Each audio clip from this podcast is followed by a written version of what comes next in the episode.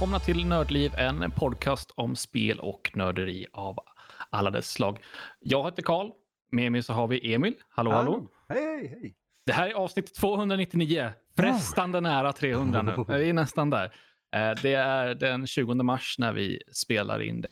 Lite kort om vad, vad avsnittet ska handla om. Det är fullspäckat med lite det är blandat med nyheter, eh, lite tekniska uppdateringar med eh, GTA Online, lite filmsnack om Ace Ventura till exempel.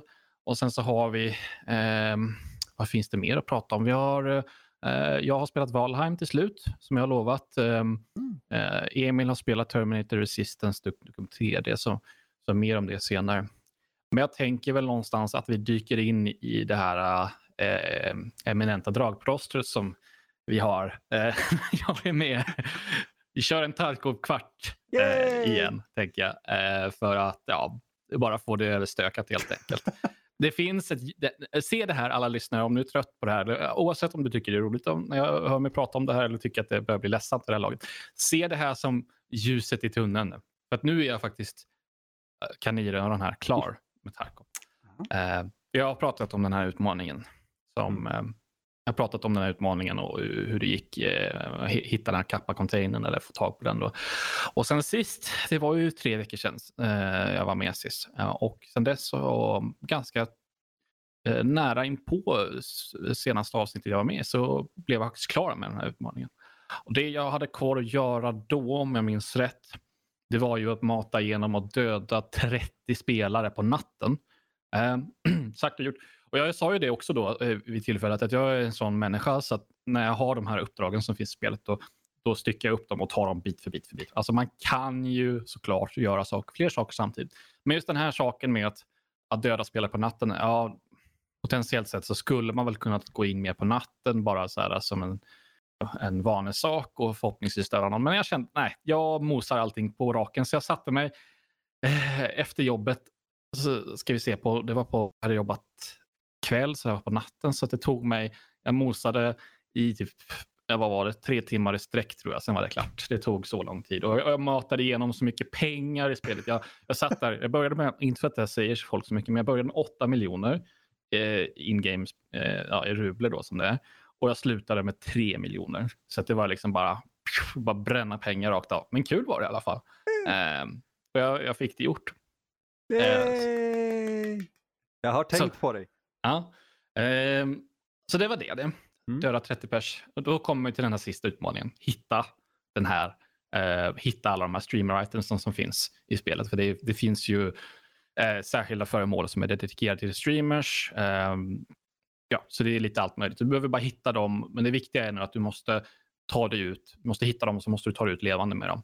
Du får inte dö med dem i din container. Du får inte ja, här, du måste ta dig ut levande helt enkelt, få en survival status. Så det får man ju om man har plockat på sig minst 600 XP eller varit inne i matchen i 10 minuter. Då får man en survival status. Så det är lite av en utmaning. Och jag hade ju två föremål kvar. Det här tragiska var ju att ett av de här som är, heter så här, Fire Clean Gunloop, heter den. Um, den behövde man ju till för att bygga en del i sin hideout. Behövde man en sån? Jag hade redan hittat den.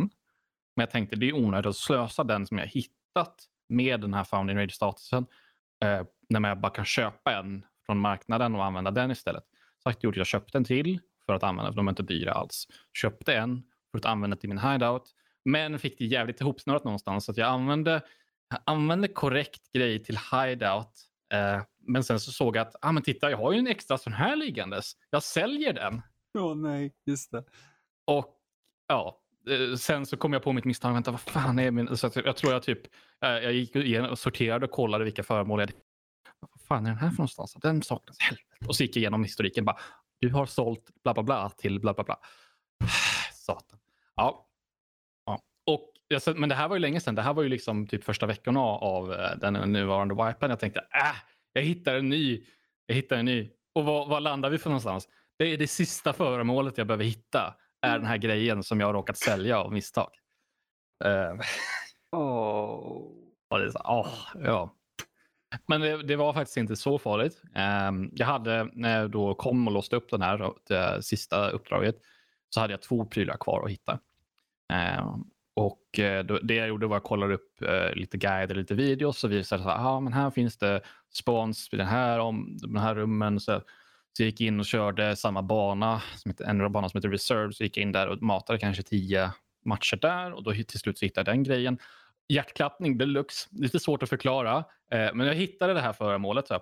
Det som hände var i den matchen, det här är så, det här är så, så bra med Tarkov, att det blir de här fantastiska berättelserna. Man, kan, man, man blir liksom exalterad av att berätta.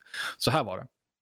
Jag gick in på den här banan eh, och så hörde jag en strid som, som öppnades upp. Då, eh, och då tänkte jag, ah, men då går jag in och blandar mig in i den. För att jag menar, jag har inte hittat någonting än. Jag, och jag kan ju vara här för att ha lite kul ändå. Så, eh, mördar en spelare. Jag, jag lyckas luska ut så här med, i, i sammanhanget att han som jag mördade, han var inte del av, det fanns eh, ett lag om två personer där.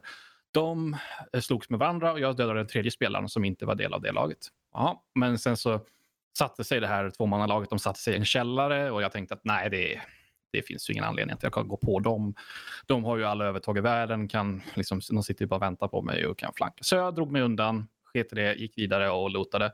Och sen så hade, hörde jag hur de, här, hur de höll på, liksom, det här tvåmannalaget. De höll ju på en jävla massa och, och röjde runt medan jag gick runt och letade efter den här lilla prylen. För jag, jag har ju hittat lite ställen som den eventuellt kan spåna på. Eh, så gick jag runt och letade. Och sen så kom jag till ja, ett sista rum då som är låst. Låste upp det. Ah, titta, hitta prylen. Oh wow, fan vad coolt. Men de här, det här tvåmannalaget, de hade fått upp vittring på mig. De hade sett mig springa in i det huset som, som föremålet fanns i.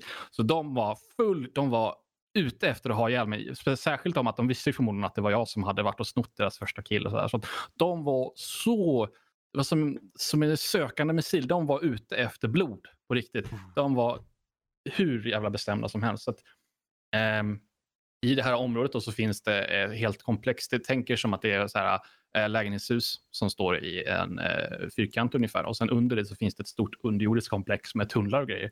Så att jag, så här, jag, måste, ja, jag måste tänka snabbt här nu och komma undan dem. Så jag springer upp, ut, ner, ur, in i det här underjordiska komplexet och eh, börjar sakta smyga mig under hela vägen bara för att komma bort därifrån. Och jag hör liksom, hjärtat klappar och fruktansvärt. Och jag hör ovanför mig att de är och klampar där jag var bara för några minuter sedan. Så de är där. Och ljudet i det här spelet är ju lite vad det är. Eh, så att de kan höra, man hör, jag är i det här, de här underjordiska tunnlarna, det är typ fem meter betong emellan mig och dem, men vi hör varandra som att vi är uppe på öppen gata. Okej, okay, whatever. Eh, så att jag smyger mig sakta men säkert lång, längre och längre. Bara för att när jag väl börjar göra ljud så vill jag att inte de ska höra det och bara skutta iväg och, och, och, och eh, ja, mörda mig. Så jag tog mig ut och det var ju fantastisk lättnad jag eh, tar mig ut levande där. För det var verkligen så här, det var en, ett, ett spelminne för livet nästan faktiskt. Oh. Och sen så sista då, eh, prylen som jag är ute efter. Den, det finns inte så, så mycket så bestämda ställen vart den kan spåna utan den är så här, det är lite mer slumpmässigt. Den spånar i de här typerna av behållare, typ så jackor på eh, AI, scavs och sådana där saker. Så att, ja, det vill bara liksom gå runt. Då tänkte jag, ja, men då vill jag bara gå runt och rota. Och det här är faktiskt helt otroligt. Första matchen som jag letade efter den här prylen så hittade jag den. Bara helt på måfå liksom i en, en jacka. Ha, ska man ta sig ut med den. Det här finns faktiskt, det här finns faktiskt inspelat. Så jag tar mig ut med den. Och så, så man, man ser liksom, eller jag kan föreställa mig själv, jag sitter och tänker där, bara försöker rita upp så här, vägar. Ah, vilka vägar ska jag kunna gå? Ah, och så kör man de här riskanalyserna i huvudet. Bara, ah, men om jag går här så kanske jag möter någon där. där, där, där. Men det slutar med att jag blir avbruten i min tankegång hur jag ska ta mig ut för jag möter ett tvåmannalag. Så jag pepprar ihjäl en av dem och sen så bara springer jag allt jag orkar. För det är intressant, det är något som jag märkte där i det här spelet, att eh, folk är inte riktigt beredda på att man, man fegar ur i en strid. Mm. De tänker sig, för jag, jag hörde det så hela vägen, för jag var inte intresserad av att ha ihjäl någon. Jag ville bara komma, ta mig ut och bli klar med hela utmaningen att jag sköt ihjäl hans kompis och sen så, jag visste ju inte att det fanns en andra egentligen. Det är en efterhandskonstruktion. Så jag sköt ihjäl hans kompis och sen så hör jag hur det börjar, börjar hagla granater. Men jag kutar därifrån och så hör man hur det fortsätter på samma ställe hagla granater. Så han tror ju bevisligen att jag är kvar där. Han vet ju inte om att jag har sprungit därifrån. Jag tänkte, ah, perfekt kutar igenom, kutar igenom halva banan. Det kommer till ett, en utgång som inte, den är inte alltid öppen. Ehm, den är, jag vet inte om det är, vad det är för chans att bli 50-50 eller så. Men den var öppen i alla fall. Tog mig ut. Jag, Ah. ja, jag, jag complete. Ehm, så att jag, nu är jag helt färdig med spelet. Nu är jag klar. Eh, och fick lämna in sista prylen, fick tillbaka den här kappa-containern och ja. Så. Wow. Eh, jag håller på att starta spelet nu för jag tänkte att skulle, ni skulle få lite statistik. Eh, hur långt det här har tagit. Ehm, och ehm, eh, ja, Nej, men det här, ehm, det här var en upplevelse. Var ska man börja för någonstans? Ehm, jag var faktiskt tvekade lite på mig själv i början om jag skulle och så här, orka ta mig igenom allting. Men det, det gick ju bra. Det gick ju bra. Ja. Du verkar ändå ha haft kul genom hela processen och då är det ju värt det. Ja, alltså. Eh, Jag kommer gå in på det mer senare, men jag vet ju med det här spelet har jag märkt att jag ville ha eh, exem, någon slags extern motivation att spela. Jag ville ha något att sträva emot. Det kommer komma in på det sen, eller kan jag komma in på det nu egentligen. Så att, aha, nu när jag är färdig med det här, nu har jag inga, uppdrag kvar att spela. Det finns uppdrag att göra, men ja, inte särskilt intressant. Det finns ju inget större mål att sträva efter längre, utan jag är ju klar. Mm. Att säga. Vad, vad finns det kvar att göra? Jo, det finns PVP och tjäna mer pengar. Men nej, det är inte så jävla roligt. Så jag har tagit det, ser det här som ett tillfälle att bara äh, lägga Tarkov vid sidan om istället och bara ta lite lugnt. Äh, Mm. Spela någonting annat. Spela lite Valheim, med mer om det senare. Äh, nu ska vi se här. Nu ska vi se, nu ska vi se. Karaktär och sen så har vi overall. Så att, eh, nu har jag spelat en och annan match, men det var totalt eh, 497 matcher spelade jag. Eh, och ungefär den här wipen. Och jag har klockat in totalt 1062 timmar i hela spelet. då. Men det är ju sen jag började för ja, ett år sedan och lite till. Då. Eh, men den här wipen, just det här kanske tog 150 timmar tror jag. Sånt, sånt där. Visar ju på något sätt att man blir bättre och bättre med tiden. Eh, har en survival rate på 55 procent. Det, det, det imponerar mig, mig, mig själv mest. För när jag avslutade förra wipen då, då hade jag en survival rate på 30 procent. Wow. Det, det är en stor förbättring och det har väl det är väl någonstans en mentalitetsfråga kan jag tänka mig. Så att man, innan så gick jag in, då hade jag inte det här slutmålet med att skaffa den här containern. och Där. Då gick man var man mer ute efter det, lite action, döda lite spelare och sånt där. Och då hamnar man ju oftare i situationer som gör att man dör. Nu spelade jag mer långsiktigt. Jag ville ha en ekonomi så att jag hade så jag kunde kontinuerligt fortsätta göra alla dessa quests och så vidare. Och så vidare. Och då tror jag att det blev per automatik så att jag hade en spelstil som gjorde att jag överlevde oftare. Mm. Vilket på något ställs, om jag får gissa mig fram, nu ska ju inte jag eh, sätta ord i munnen på Battlestate, men jag tror väl någonstans att de vill väl att det spelet ska spelas på det här sättet som jag har gjort nu. Att du i första hand spelar för att överleva. Det är Mm. liksom det spelet går ut på. Klart att det finns PVP och du skjuter ihjäl spelare och sånt där. Men spelet går ut i första hand på att du ska liksom överleva, ta dig ut, eh, hitta prylar. Framförallt det här med att liksom leta grejer, hitta saker och faktiskt få användning av det istället för att du bara köper allting du behöver. Och såna saker. Ehm, nej, eh, jag dog 210 gånger den här wipen. 210 deaths. Och jag dödade 368 spelare. Mm. Det är också helt okej eh, faktiskt. Ehm, ja. Så, att, eh, så lång tid tog det. Ehm, och nu kommer vi väl in sista. Vad står, hur är det liksom State of the Union och hur är läget med Tarkov just nu då? Mm. De har lite problem att ta itu med. Eh, jag har ju berättat om de här tekniska utmaningarna som de har. Eh, och det är, ju, det är för all del sant så här med, eh, med lag och sådana där saker. Att det, är väldigt, det finns en extremt uppenbar Peakers advantage i spelet eh, som jag förklarat om innan. Det finns, de har eh, ingen movement inertia, eh, så det finns ingen tröghet i rörelsen. Så att när du, eh, om man eh, strafar åt ett håll till vänster till exempel, för att undvika det, och sen så byter man håll, då gör man noll och ingenting. Det, det finns i, i vilket spel som helst, du kan ta vilken, F- vilket FPS som helst, så kommer du först sakta ner, stanna och sen komma upp igen. Och sen kan ju det variera hur lång tid det tar beroende på vad det är för spel, men i mer eller mindre alla first person shooters saktar man ner, stannar och sen får man fart igen. Inte i Tarkov. Du byter, du byter riktning på en femöring. Eh, vilket gör att du får sådana jättekonstiga situationer där i och med att lagget är vad det är så kan man ju då kanske titta runt ett hörn och backa utan att eh, sätt- utsätta sig själv för någon risk överhuvudtaget. För att din motståndare kommer inte hinna reagera. Du kommer vara liksom vara, för, kommer kunna gå, kliva tillbaka eh, runt hörnet innan de har hunnit reagera det märks också nu när jag gjort de här questen man ska skjuta folk på långt avstånd. Så märks det också något fruktansvärt. Du kanske skjuter någon och sen så missar första skottet och då, då blir de medvetna att de någon som försöker skjuta ihjäl dem och då, då, bara, då, då zigzaggar de något fruktansvärt och de bara studsar fram och tillbaka. Det ser hur löjligt ut som helst när man försöker skjuta ihjäl någon på, på långt, långt avstånd. Det, det enda de gör är att de bara zigzaggar fram och tillbaka och de bara studsar som en pingisboll fram och tillbaka. Det förstör eh, inlevelsen totalt när det händer. Dock så har jag hört eh, att de håller på att titta på att lägga in det här i spelet så att det kanske kommer en uppdatering i framtiden. Eh, det här med tröghet, vad man kallar det, eh, movement inertia. Det, det bådar ju gott någonstans. Mm. men sen så finns det de här lite mer så här, vad ska man säga, mer strukturella problemen och det är här med ekonomin till exempel.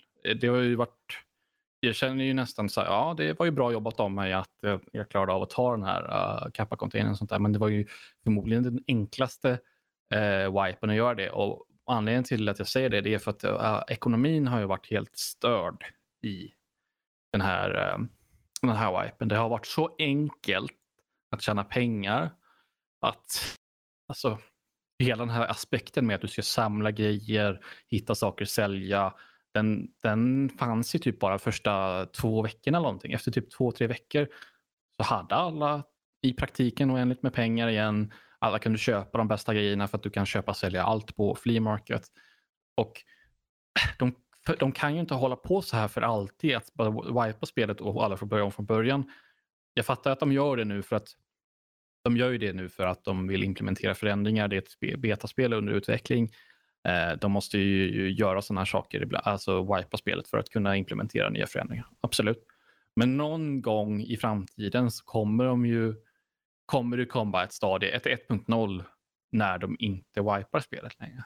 De behöver hitta en balans någonstans ja, innan dess. Men om det är som ekonomin ser ut då som den gör nu, då kommer ju det enda som det kommer hända är att, att det är en massa spelare som springer runt med de bästa grejerna, den bästa ammon, bästa vapnen, den bästa rustningen hur, vad är det för upplevelse? när Det kommer in en ny spelare och det är bara massa chads som springer runt med de bästa grejerna. Liksom. Och, ja, man börjar där och man har en liten rostig AK med sämsta ammon. Det tar 20 skott att döda en, en snubbe med bästa grejerna. Liksom. Det är sanning med modifikation. Men ja.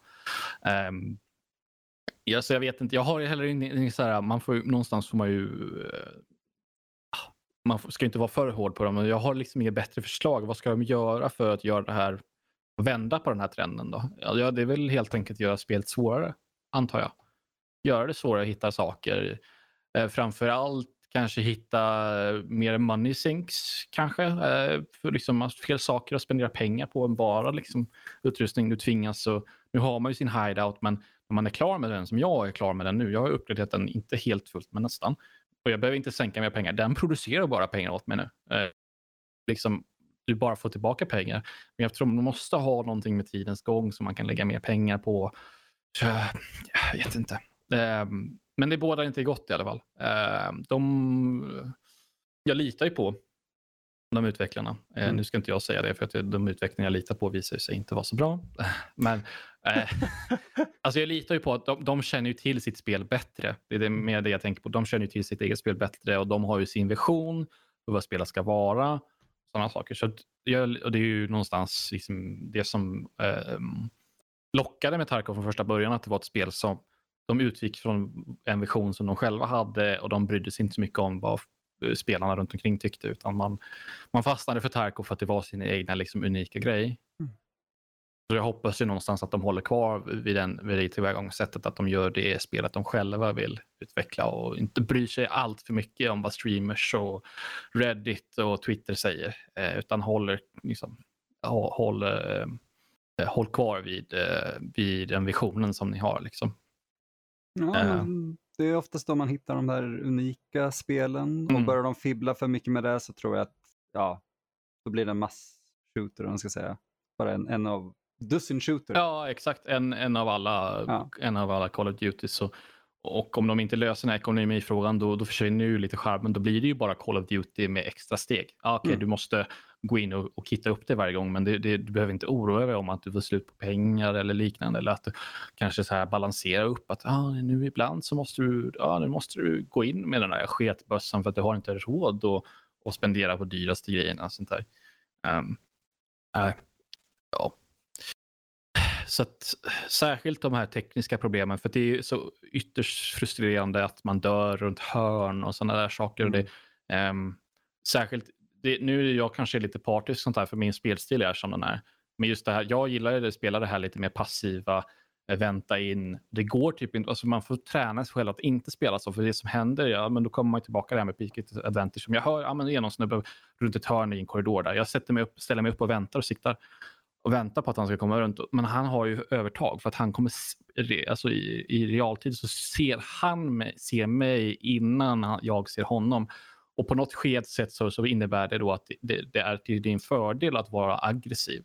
Mm. Eh, Medan det borde vara helt tvärtom. Om du, om du springer i full kareta med, med, med, med stridsutrustning på dig och rundar ett hörn och där står det någon och väntar på dig, då är det du som, du som springer runt hörnet som dör i alla, liksom, i alla andra van, rimliga shooters. Liksom. Ja. Men inte i det här spelet, för att han som springer ser motståndaren först, vilket är, det är helt omvänt. Liksom.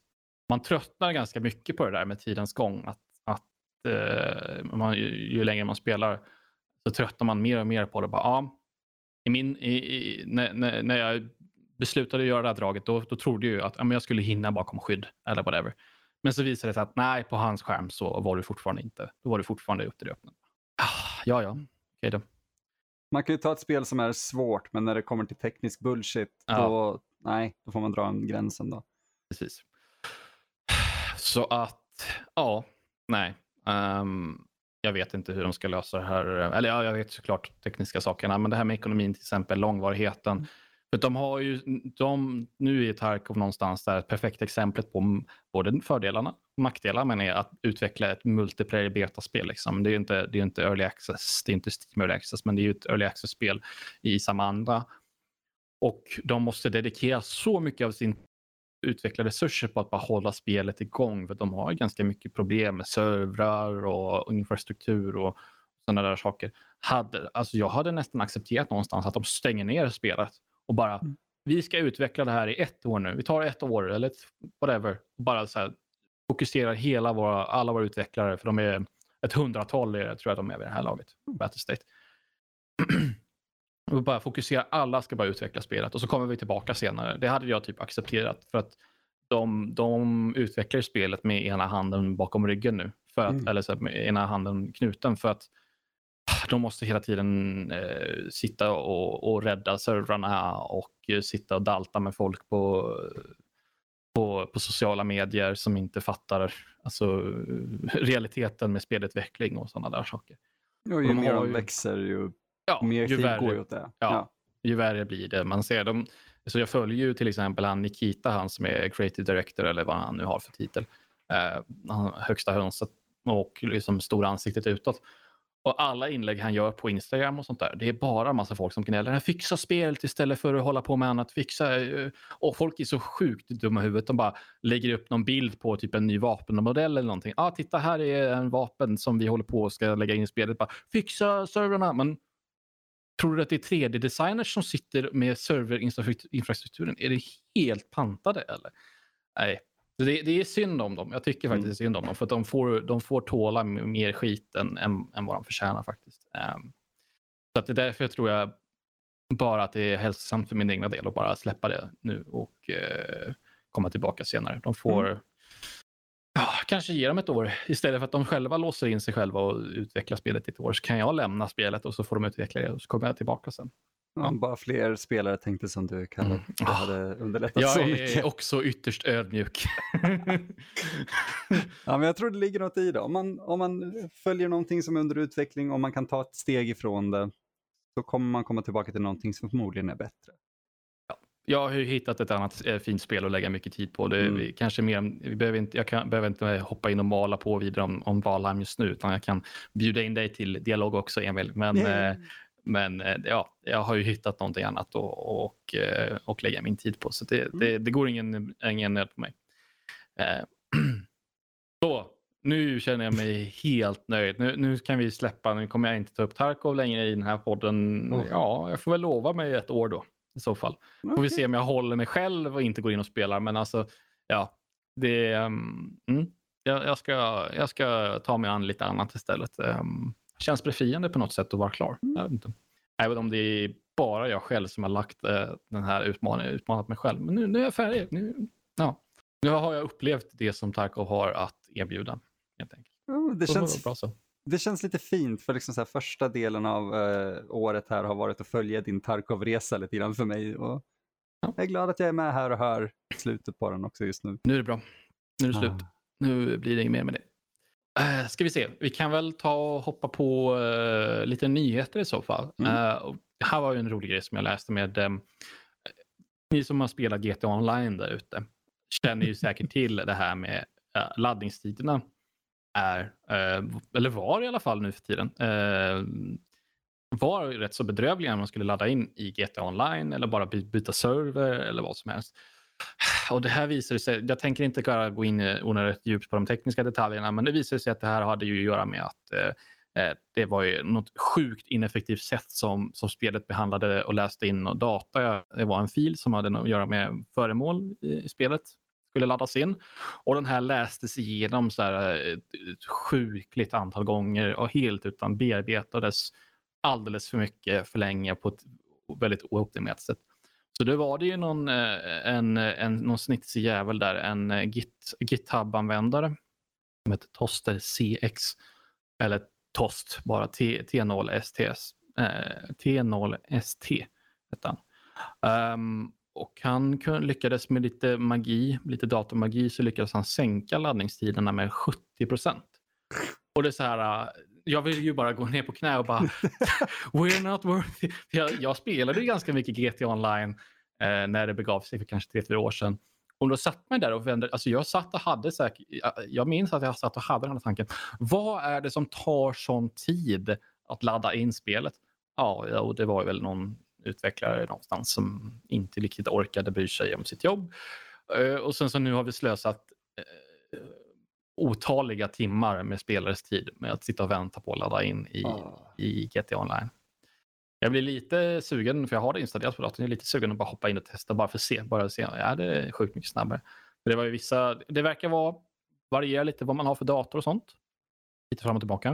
Uh, men det, alltså 70 procent verkar vara en ganska stabil siffra. Uh, förbättring. Uh, det är helt otroligt. Nu måste jag in och spela bara för att, bara för att se förändringen. Ja, jag vill ju starta upp bara för att se just laddningstiderna. För... Och så stänger man ner direkt för bara, ah, det här var ju en jävla grind, jag orkar inte med det här GT Online längre. Ja, vi skiter i det. Kanske kör lite bil en stund, slåss med lite poliser och sen känner man sig nöjd igen. Sen kommer en hacker, spränger den i luften och man bara okej, okay. det var ju roligt. Förstår jag varför jag inte spelar det här. men det är fan, alltså det, det, det, det, är ju, det är ju bra att de fixar det, men det är imponerande illa av Rockstar att det tog så här lång tid, så här många år efter GTA Online eh, att fixa det och att det var en snubbe utifrån som bara, eh, det här jag är ett problem. Vad håller ni på med? ja, för det är så roligt också i och med att Eh, det här med laddningstiderna, det är ju inte någonting som har flugit under radarn för Rockstars del. Alltså folk har ju gnällt om det här länge nu. Ja. Och att de inte bara så här ger, som att du är en utvecklare på liksom deras team, liksom bara, kan du bara kika lite på det här? Kan gå att göra någonting? Vad är det som händer under laddningsprocessen? nej, nej, vi skiter i det. Eh, vill ni köpa Shark Cards däremot? Här, eh, det går bra. Eh, här har ni mer uppdrag som är typ så här oändlig grind. Så man typ får inte pengar, inte ordentligt med pengar utan vill du faktiskt ha antingen så kan du fuska dig till pengar eller så får du köpa pengar för riktiga pengar. Mm. Mm. Det är bra. ja. Men det är, det är, inte kul för de som fortfarande spelar det och det kanske kan locka tillbaka mm, ja, men andra spelare som tröttade på skiten helt enkelt när det väl sög. Ja, man kan ju hoppas i alla fall för, mm. för mm. Rockstars skull. Eh, Oh, ja. Den patchen släpptes 16 mars, eh, en officiell patch eh, med den här fixen. Så att, eh, det är väl bara in och testa helt enkelt. Jag ska testa sen i alla fall. Tänkte mm, nice. Så, men nu har vi lite filmnyheter här, eh, Emil, som du får hjälpa mig med. Vi kan börja med eh, Ace Ventura-nyheten. Vad har ja. vi där egentligen? Det är lite kul faktiskt, för, för folk som eh, kommer ihåg 90-talet ordentligt med, med allt vad det innebar, eh, så var det ju en skådespelare som exploderade ut egentligen eh, på scenen, man ska säga tidigt 90-tal och det var ju Jim Carrey. Och han var väl mest känd, skulle jag vilja säga, under den tiden, inte bara som The Mask utan som eh, djurdetektiven Ace Ventura. Och eh, det kom ju två filmer där under 90-talet som båda var bra, eh, lite varierande kvalitet och sådär. Sen har det kommit tecknad serie, en tecknad serie och jag tror det kom en serie där det var typ så här, du vet, Young Ace Ventura, men eh, ett barn i rollen, den försöker vi bara glömma bort. Uh, men det har varit tyst på den fronten eh, gällande karaktären.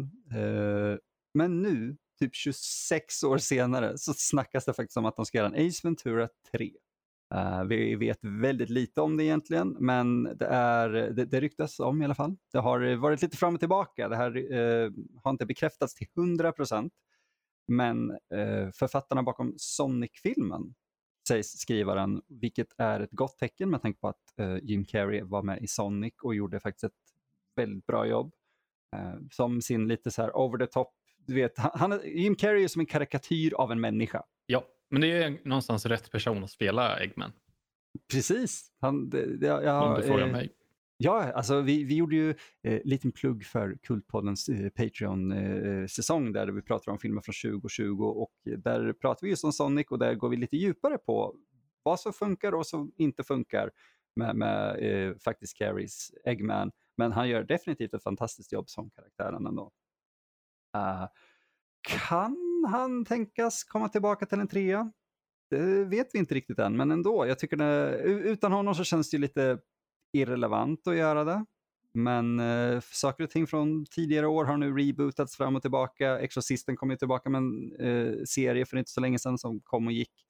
Men eh, vad tror du? Skulle det funka idag, Ace Ventura? Alltså jag känner någonstans, alltså det är klart att man, om man gör saker och ting rätt, men någonstans så var ju de filmerna typ någon slags humor som man inte riktigt ser längre mm. på, på något plan. Ganska töntig sådan, men ändå liksom är produkt av sin tid på något sätt. Um, hade det gått hem? Jag vet inte om publiken är lite mer cynisk nu för tiden för att så här, bajshumor och sånt ska gå hem igen. Jag tänker ju bara på scenen med noshörningen när han kravlar, kravlar ut där bak. Liksom så här. Hade den humorn, vi skrattar ju för vi åt det nu, men hade den humorn gått hem igen? Jag vet inte. Eh, men å andra sidan så kan de väl anpassa det till en, eh, en, en eh, nutid kanske. Um, Ja, alltså det vore lite kul ändå att se dem göra det. Det är just det som du sa, det handlar om att göra det rätt, det handlar om att göra det bra. För det mm. finns ju uh, element från första filmen som definitivt skulle anses vara problematiska idag. Och jag säger inte att de inte var det då, men folk tänkte inte så mycket på uh, egentligen vad ska man säga, jämställdhet på det mm. sättet med, med transsexuella och sådär. Uh, och det drivs ju ganska mycket med det i originalet och det är ju som sagt en produkt av sin tid. Gör man den nu, då kommer det definitivt förändras. Men jag tror fortfarande att den typen av humor skulle vara en skön injektion av en uh, mindre cynisk humor än vad vi har nu. Uh, det känns som att mycket uh, humor i grund och botten bygger på tragedi egentligen. Och det känns inte som att Ace Ventura gör det riktigt och det är det som är så uppfriskande känner jag. Jag vill se honom kräla ur en ny noshörning. Okej då, jag, jag, lägger mig platt där på den punkten. Du, vi, vi, vi, mer, mer, ja. ja. Nej, men det, jag köper det. Jag köper det. Yes, vi eh, går vidare. Du ska få berätta. Vad ska du få berätta om, Emil? Vi tar väl... Nej, men, eh, vi har varit inne på det här spåret lite innan, så Duke Nukem 3D, varför mm. inte, har du spelat. Ja. Uh, 90-tals FPS. Igen. Mm. Du ser, ser ett tema. jag, jag har dolt det väldigt dåligt i så fall. Uh, det här ja. är för, för en gångs skull ett spel som jag har spelat oerhört mycket oh. i min oh. barndom. Så att, uh, jag minns det ganska väl att jag inte var särskilt bra på det. Men uh, det, det, det, är ingen fara. Jag, jag har inget minne av det senare i spelet. Så jag, det var bara den första typ som jag minns ganska väl. Så förmodligen så var jag väl för dålig för att komma vidare. skulle jag kunna tänka mig. Det, det kan också vara att du hade bara shareware-versionen, vilket då, då är kan första det vara. Det minns jag faktiskt inte hur det, hur det låg till. Det kan mm. vara att det mycket väl var så. Um... För det var så jag växte upp. Jag hade mm. shareware-episoder av typ min, alla de Min där. farsa var ganska duktig på det här med shareware och uh, bara allmänt, här får man inte säga högt, torrenta spel. På den tiden. Um, Det var mycket brända CD-skivor med oh. diverse spel. Eh, och jag hade en sån här liten hylla med, kanske, vad var det? Ja, det måste ju varit kanske 30-40 CD-skivor liksom med diverse spel. Det var, det var lite nice. känsla. Ändå. Och så med, med, skrivet på, på CD-skivan skrivet med tuschpenna vad det var för någonting. Åh oh, gud, jag har fortfarande en del sådana skivor kvar faktiskt. Mm. Det, det, var innan man var tvungen att börja cracka skit utan man kunde faktiskt bara installera det direkt Rakt från. av ja. Jajamän. ja. Men nog om eh, pirateri. Vad, eh, finns det något legitimt sätt att köpa det nu för tiden? Finns det på typ Steam rakt av? Eller vad? Ja, det är nästan mer intressant. Eller GOG än... kanske? Ja, det finns på båda tror jag faktiskt. Uh, för eh, det, det, är nästan mer intressant än spelet i sig att prata om. Uh, för jag kan säga att jag och Mattias håller på att planera våra uh, sommarspecialavsnitt. Och vi kommer djupdyka i Build Engine-spel då. Och då kommer vi nog prata ännu mer ingående om vissa Duke Nukem-grejer och sådär som ja, vi inte hinner ta upp nu. För nu vill jag egentligen bara ta upp att det, det, det håller och att det går att spela idag. Problemet för mig är att den versionen som går att köpa nu är Duke Nukem 3D World Tour mm. uh, 25 year, 20 year Ja, jag ser det. Duke Nukem 3D 20th Anniversary World Tour. Jag ser den här framför mig. Är det någon upphottad version av något slag? I, både och. Uh, det är ju släppt av Gearbox, den här versionen, ah, eftersom okay. de uh, köpte upp franchisen efter Forever-misslyckandet. Ja, ah, visst.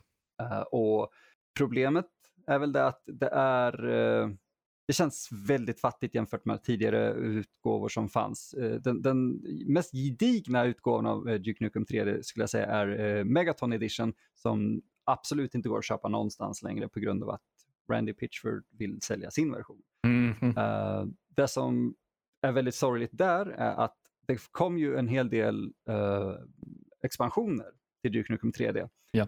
De ingick i Megaton Edition och gick att spela utan problem de finns inte att se någonstans i närheten av den här eh, World Tour Edition, utan helt bortplockat. Eh, istället har vi då fått, vilket är positivt på ett sätt, en helt ny episod uh, som heter Alien World Order, tror jag. Uh, den känns bara, uh, vi har inte hunnit spela mycket av den. Vi kör ju uh, Duke Nukem uh, Co-op, jag och en kompis. och det är väl egentligen han som har lett mig igenom det mesta för att han kommer ihåg hemligheterna och sånt där från när vi var barn. Uh, den känns bara inte... Det känns för modernt. Mm. man ska säga. Mitt problem med Iron Fury var att varenda bana eh, var alldeles för stor och försökte sig på för mycket och kändes mest som en, en du vet, switch eller keyhunt. Uh, och det känns som att den här nya episoden efterapar det lite grann. Uh, men det tar emot egentligen. Jag vill ju kunna rekommendera att, att köpa Duke Nukem 3D. Men, mm. men Så jag... att det finns här på Steam för 20 euro, men efter det du har sagt, det känns inte riktigt som att man borde köpa den. Faktiskt. Nej, nej, nej, inte för, inte för 20 euro. Uh, man, man, bör absolut inte göra det. Vi gjorde det för att kunna spela det och så. Uh, nej, det är inte värt det. Är det en rea och det kostar 499 om man är nyfiken på att spela det igen? Mm. Absolut. Men... men... det blir inte riktigt det här, i och med att det ändå är någon slags uppdaterad version, så blir det ju inte att du får inte riktigt återuppleva originalet på något sätt heller. Det blir lite tråkigt på det viset. Ja, alltså de har gjort en, en rätt schysst okej. Okay. Det är ju fortfarande bildmotorn, men en tungt modifierad den. Um, de har ju en, en du vet, switch-knapp som jag tror Halo Mm, tveksamt, men kanske var först med att implementera när de gjorde den där remastern. Där du kan skifta mellan eh, originalgrafik och eh, Ja, ny, uppdaterad. uppdaterad. Ja. Det, problemet är att den uppdaterade är ful. Den är, alltså, det, det, jag vet inte vad de har gjort riktigt. Jag tror det är just att de har försökt att göra det 3D. Problemet med Duke Nukem är att det är ju, som sagt, Build Engine, det är 2.5D. Det finns 3D-objekt i den. Ja. Eh, men det är inte 3D. Eh, och det gör att när man då switchar över det till 3D så allt ser fel ut. Det är fel uh, perspektiv och massa grejer som blir jättekonstiga. Och sen har de, jag vet inte vad de har gjort med ljuset. Uh, jag kommer komma in på det mer med ett annat uh, spel jag kommer prata om lite grann. Men det är lite som när man spelar uh, ett spel utvecklat av någon som inte riktigt en ny utvecklare som gör någonting i Unreal eller Unity och de har ficklampa. Mm. Det, det, ficklampan är liksom som en kärnvapens liksom, explosion för att den är så stark. Yep. Uh, och nu har man inte en ficklampa i Duke Nukem, men när man slår igång den här uh, upphottade grafiken Så varenda grej du vet som kan tänkas kasta ljus kastar ett enormt ljus. Just det. Och det, det förstör väldigt mycket. Det är synd, för jag vill rekommendera det, men eh, jag kan inte. Inte den här versionen. Det, det, som man, eh, det, det, det är lite som den effekten som blir med, när du förklarar det här så kommer jag att tänka på sådana här Minecraft eh, texture packs som blir. Mm. Bara, Ja, tekniskt sett så är de högre kvalitet, men spelet ser bedrövligt ut för att du har liksom tappat all uppfattning om estetik och liksom det, så här, design och allt möjligt. Okej, okay, ja men original Minecraft, ja, det skulle kunna liksom säga att något plan att det är liksom låg detalj, men det är ju väldigt eh, medveten om sin design och liksom färgval och alla sådana där saker. Så när man försöker då lyfta detaljrikedomen då kanske man tappar det här originella eh, charmen som fanns överhuvudtaget. Um, det är exakt det. Det var ett väldigt bra sätt att säga det på, för det känns som att de inte har fattat. Då var ändå Randy med och utvecklade vissa av de här eh, mm. spelen, Randy Pitchard. Just det. Uh, han var ändå med och utvecklade, då känns det ännu konstigare att de misslyckas med att fånga estetiken när de försöker upp, hotta upp det. Uh, det jag uppskattar lite grann är uh, att de har du vet, så developer commentary. Ja, just det. Det är roligt. Det är väldigt trevligt. Problemet där, ingenting utan problem med den där utgåvan, ah, nej. Uh, är att det är ju kanske du vet, tre, fyra personer som pratar och mycket av det är anekdoter av personer du faktiskt vill höra prata om grejer. Det vore som att ta in eh, någon som har jobbat på, jag kommer inte ihåg vad de heter nu, de här, alltså, eh, några av utvecklarna från nya Doom. Men säg att du har kommentatorspår eh, till eh, original Doom, men med utvecklare från Doom 2016. Och som ja. pratar om vad Romero gjorde med den här banan istället för att faktiskt ta in Romero och låta honom berätta om banan. Japp, japp, japp. Och det, det mm, jag vet inte. Ja, det är ju lite lustigt. Um, man tappar ju så mycket detalj när det abstraheras, på den, abstraheras till den nivån. Att det är så här, du förlorar ju så mycket i översättningarna. Du lämnar över ett projekt från en person till en utvecklare till en annan. De ska ta över och försöka vidareutveckla eller uppdatera. Det är så mycket som försvinner i den övergången. Oh. Um, som inte ens en bra dokumentation kan behålla det för det, finns, det sitter kvar i den gamla utvecklaren liksom, eh, mm. med vision, eh, ja, allt möjligt. Ehm, så att, nej. Jag, jag kan göra en snabb avstickare bara för att verkligen understryka det du säger. Mm. Uh, Romero släppte ett, uh, en ny episod till original Doom. Just det. Förra året eller året innan det som hette Sigil. Yep. Uh, vissa kartor är lite så här, okej, okay, det märks att det är ett par år sedan han gjorde det här. Men det märks också varför han var fucking guden på att bygga Doom-kartor. För att det är så mycket man så börjar känna igen ifrån eh, särskilt första spelet, för han gjorde inte lika många kartor i tvåan. Mm. Uh, och det är så här, det där, det där är Romero bullshit. Det där är en Romero-fälla. Yep, yep. Och man ser så tydligt att det är, liksom, det är hans händer i Sigil, för att det är han som har designat allt. Och man ser då i originalet att okej, okay, det här, han visste redan då hur han skulle använda det här. Uh, och det känns så långt ifrån när man spelar de här nya episoderna till, eller den nya episoden till uh, Duke Nukem. Då de ändå haft vet, overseen eller supervised by två stycken nya, eller gamla, vet du, ja, kartdesigners. Ja. Uh, spelet är bra, men inte den här versionen. Nej, försök och då kan vi ju bara cirkulera tillbaka till så som jag upplevde spelet när det blir av sig. Eh, man kan hitta det på, det finns på andra ställen. Det mm. Behöver inte nämna vart, men det finns där ute. Det är så mycket bättre så. Mm. Ja, då, nej, måste hitta, måste installera en serieläsare i min dator och börja bränna CD-skivor och fixa en sånt där ställ med hitta så här uh, oändligt. I och, med att, I och med att det var liksom icke-legitima spel så stod det inte på, på den här smala sidan så stod det inte vad det var för någonting. Och glömsk som man är så fick man ju sitta och dra ut varenda CD-skiva. Nej, oh, det var inte Gud. den. Nej, det var inte den. Nej, det var inte den. Och så satte man och gick igenom så här. Och man gick igenom säkert hyllan säkert hundra gånger. Liksom. Eh, men ändå så kommer man tycker någonstans att man borde lägga det på minne. Bara, ja, men där, exakt där ligger det spelet. Men nej, det, det var så... inte någonting som man la på minnet. Nej, och när man väl hade gjort det så kanske det var någon som kommer och frågar, kan jag låna den där? Och bara, Nej, ja, ja, men jag flyttar på grejerna för då vet jag vart allt står. Japp. Du får inte in och pilla i min CD-läsare eller CD-hylla. Fy fan. Mm. Men ja. Var det faktiskt bättre för? No, nej, nej, nej, kanske Nej, jag vet inte. Spelet var bättre för. Ja, men... jo, sant, sant. Duke Nukem Manhattan, spelar du det någon gång? Manhattan Project? Man, Manhattan Project. Lite grann, det var kul. Mm. Det var... Annorlunda. 2D, 2D Duke Nukem, speciellt. Ja, ja, för det var ju liksom, eh, vi håller ju på att avrunda det här, men första två var ju 2D. Eh, Just det, 2,5D. Ja, eh, ja, precis. Och sen kom ju då Manhattan Project efter 3D och var den här 2,5D. Och det, mm, det är kul. Det är en kul liten callback, men det finns en anledning till att vi inte pratar om det eller något av de andra Duke Nukem-spelen som kom till Playstation mer än vad vi pratar om 3D. 3D Nej, är fortfarande höjdpunkten. Visst är det så. Och herregud, jag sökte upp en liten gameplay-video. Ah, mamma mia, det här känner man igen. oh, yeah. Oj, oj, oj, oj, oj, oj, oj. Ja, nej. Man kan sitta här och drömma sig tillbaka. Enklare oh, tider, CRT-skärm, en eh, gammal dumburk som stod uppe platt på och sen CRT-skärm. Ovanpå det gamla beigea liksom, tangentbord och möss och grejer. Och kulmöss också. Det var ju också oh, Man fick ta ut och rengöra hela tiden. Det här, nu daterar jag mig själv. Nu sitter det säkert någon läsare som är kanske eller, eller lyssnare som är liksom tio år äldre än mig eller whatever.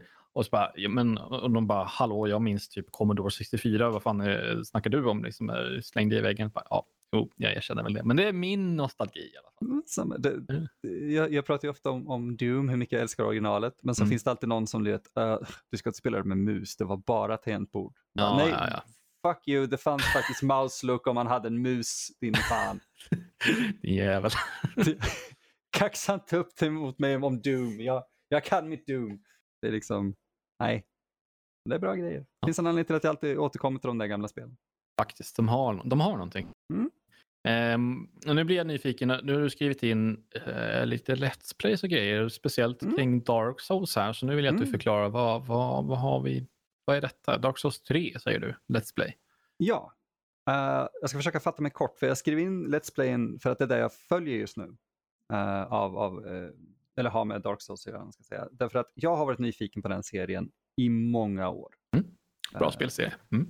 Eh, ja, jag tänkte fråga dig lite om det här faktiskt. Uh, eftersom vi är två stycken så tänkte jag att du kanske kan ge mig en uh, Brasklapp, one så jag har, jag har spelat ettan, trean uh, och uh, jag har spelat Sekiro också. Mm. så att jag har ju missat tvåan och Bloodborne och, och lite sånt där. Så jag är väl inte komplett, men, men å andra sidan, um, ja, fortsätt du. Jag har, jag har ju mina åsikter, men vi kan ta det sen. Fortsätt med, ja. med Dark Souls. Jo, men för att alltså jag fick uh, Dark Souls, ja, första fick jag till PS3 av, en, uh, av samma vän jag spelade igenom Duke Nukem med.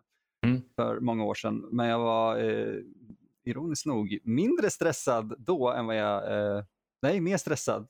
Jag, jag var väldigt stressad helt enkelt och visste att ett spel som kommer framkalla mer stress i mig inte är rätt just då. Nej, nej.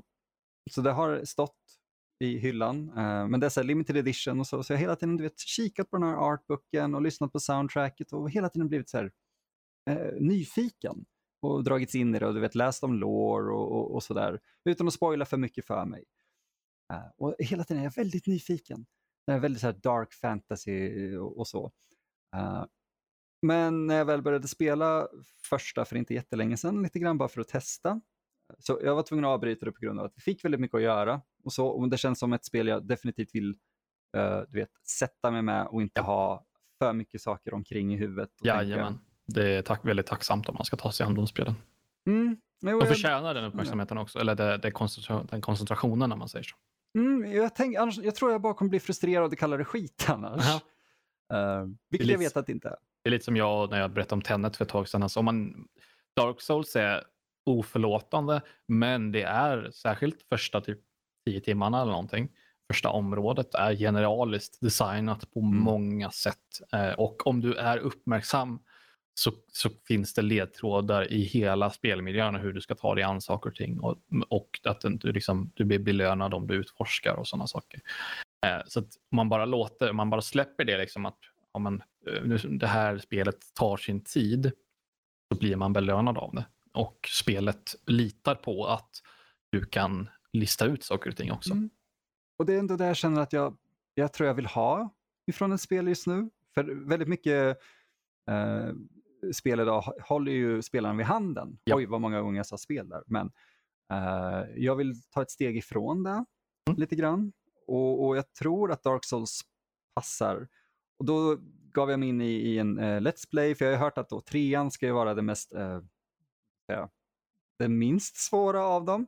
Ja, uh, rätt så välpolerat, ganska modernt. Det är uh, lite rappar combat också. Mm. Uh, det är lite blandning av lite olika saker. Um, Dark Souls 1 till exempel är mycket segare, lite lunkar fram lite mer i, i combaten kontra Dark Souls 3, lite snabbare, lite snabbare slag och, och sådana mm. där saker. mer fokuserat på stunlocka fiender och lite sådana där saker. Medan Dark Souls 1 så hoppar du in, petar ett slag och så går du backar undan och så håller man på så dansar man så fram och tillbaka tills fienden är död. Um, så att, ja, eh, absolut, det, det ligger någonting i det du säger med Dark Souls 3. Ja, för det, den, jag har en väldigt skum jämförelse med Dark Souls 1. För jag, som sagt, jag spelade en del av det och, och, kunde bara finna ett spel jag kunde likna det vid, som jag själv har spelat. Uh, och det är Rocky Legends på Playstation 2. Mm -hmm. Aldrig hört talas om. Det, det är uh, uppföljaren till, till Rocky till PS2. Uh, och det är, det är ju i princip ett, det låter jätteytligt, men det är ett fightingspel baserat på Rocky-filmerna. Det är, mm. det är ju uppenbart nästan. Mm. det som är intressant är att det kräver så mycket mer strategi och metodik. du måste tänka på att om jag, om jag gör en jabb nu så kommer jag lämna mig öppen för den här typen av skada. Eh, om jag gör en tung högerkrok, ja då kommer jag ha mindre stamina. Men om jag träffar så kommer jag tjäna på det. Alltså det var väldigt mycket sånt. Eh, och spelet blev svårare och svårare och svårare hela tiden. Men det var någonting med du vet, här, att hamna i, i zonen verkligen. Ingenting annat fanns än eh, matchen och, och, din motståndare. Och du, du kunde inte buttonmasha. Och jag är känd för buttonmasha. Men det, det spelet var så här, nej, jag måste lära mig det här. Jag måste se hur den här människan rör sig, eller den här motståndaren rör sig. Det fann jag i Dark Souls. Men det som smögs in var ju också du vet, från telefonen hela tiden. Så det förstörde ju allt. Uh, men just på grund av att, Dark, att Dark Souls 3 är lite mer polerat, lite rappare, så är det det jag mer och mer här liksom, blir nyfiken på. Och skulle du säga att det är en bra även om jag nu har spelat lite av första, är en bra inkörsport till serien. Trean säger du? Mm. Um, jag skulle säga någon sån här, jag uh, har ju min starka åsikt om vilket Dark som är bäst och så vidare. Mm. Jag skulle säga någon sån där sak att det man börjar med först kommer ju nog vara det som lämnar starkast intryck tror jag. Mm. Uh, så att det, trean, jag skulle, jag skulle bestämt sig att du ska börja med Dark Souls 1, punkt slut. Eh, okay. Men det sagt så är de ganska unika spelupplevelser allihopa, så om man inte är van vid liksom sådana här ganska oförlåtande actionspel. Så jag tror att även eh, det sagt så kommer nog Dark Souls 3 vara en bra upplevelse ändå, för den har ändå, den har ändå ganska mycket av det som gjorde Dark Souls 1 bra. Du kallar mig liksom lite purist, elitist om du vad, vad du nu vill, men jag, jag säger att Dark Souls 1 är där man ska börja. Av lite olika anledningar. Uh. Du är inte ensam att säga det. Så, och de släppte ju faktiskt en remaster förra året. Ja, för mig. stämmer. Så, mm. Eller för, förra blir det väl kanske. Förrförra kanske det är, ja. Um, det stämmer. Uh, och det är den versionen man ska, om man spelar på PC så måste man köpa remaster. För att uh, den uh, Prepare to Die Edition har ju lite tekniska problem. Så köp för guds skull remastered om man ska ta sig an det här första gången. Um, jag tror inte ens att Prepare to Die är tillgängligt på Steam längre. Kan det mycket faktiskt. väl vara. Så kan det mycket väl vara. Men remastern var inte särskilt dyr. Jag tror den ligger på typ 200 någonting. Uh, om man är nyfiken. Mm. Si. Eh, så att, ja, nej, jag, jag, eh, åtminstone att du ska spela jag skulle ju vilja se, du behöver ju inte så här eh, fighta dig igenom hela spelet om du inte, eh, om du inte fastnar för det och så där fastnar för utmaningen. Men just det här som jag var inne på innan med att det första segmentet är eh, dels första tutorialbanan i Dark Souls 1 och sen det första området som man får liksom utforska. De, det är så välskapat och så väldesignat på så många olika plan att jag skulle vilja se dig ta dig igenom den första sekvensen kanske handlar om fem, fem timmar gameplay kanske. Mm. Något sånt. Um, för som sagt, då cirkulerar man tillbaka till det här med att om du är uppmärksam och koncentrerad och, och låter spelet informera dig, för de, har, de lägger lite ledtrådar här och var. De, de som tipsar om vad man ska göra, men de håller inte i handen och sådana där saker. Um, det finns en jättebra om du, om du inte, eller någon där hemma för den delen, som lyssnar så finns det en extremt bra Dark Souls commentary av en youtuber som heter Matthew Matosis. Han har gjort en mm. sex timmar lång Dark Souls 1 commentary. Uh, den, jag, den har jag kollat på, den är skitbra. Så man kan lika väl, om man har bestämt sig för att inte ta sig an det, titta på den istället i så fall. Den är jättebra. Uh, det är lite kul att du säger det, för nyligen satt jag och kollade igenom en responsvideo till, jag vet inte vad han heter, H-Guy, H-Bomber någonting, mm. från en youtuber du rekommenderade mig som heter Mauler. Mauler. Yep. Jajamän. Mm. Riktigt jävla bra analys och så yep. gå igenom och plocka sönder. Han, Mauler, han är dock väl, han är ju sjuk alltså, för jag har ju tittat på hans äh, han hade ju en videoserie om Soma och jämförde Soma och äh, Amnesia, mm. Dark Descent. Och han går in sån grov detalj på minsta lilla, men han är ganska vältalig av sig. Så att alltså, oh ja. att det, det, jag tittar igenom hela allt, det var ingen fara så. Um, ja. Men det, det kan jag, kan jag också rekommendera. Han är bra. Oh ja. Och för er som undrar vilken Let's Play jag kollar på så är det Super Beard Bros. Mm. Uh, där eh, Gerard Khalil och uh, heter han, Alex Faciani och sen en mm. kille som heter Brett eh, spelar igenom det tillsammans. Eller ja, Alex spelar och flippar ur medan de andra två skrattar och faktiskt ger honom hjärtvärmande stöd. Och leder honom rätt. Eh, men det är väldigt kul att se någon som inte är, du vet, ah, du, du spelar fel om du gör någonting annat än vad jag gör. Utan mm. det här är mm. mer kul, folk som har kul och spelar igenom. För det är också den, den här fanbasen har varit lite, jag brukar inte interagera med folk, Nej. men jag är väldigt trött på toxic fandoms. Yep. Det verkar vara genomgående i Dark Souls. Spelar du inte så här så är det fel. Ja, jag hade en ganska negativ introduktion. Det var ju en före detta rumskompis till mig som bara, ja, jag tog med en Dark Souls och han hade spelat det innan och det var så här bara, ja, man, eh, eh som eh, i, i, i Dark Souls 1 så får man ju första målet, man ska ringa i två stycken klock, det finns två klocktorn man ska ta sig till och ringa i. Och då hade jag gjort det och man tänkte bara, ah, vilken, wow, nu har jag klarat av det här och så öppnar sig upp spelet upp mer och bla bla bla. Och han bara, ja, ah, det är nu spelet börjar typ. Och man bara, mm alltså, åh, tröttsamt. Liksom, han har spelat igenom, slagit en massa bossar och uh, sådana saker. Han bara, oh, det är nu spelet börjar, välkommen till det riktigt. Uh, det var intressant. Ja, uh, så det är tråkigt. Um, så att ja, det, det ligger absolut, det, det, det, har ju varit så här get good, liksom Dark Souls mm. communityn är lite toxic så på det viset.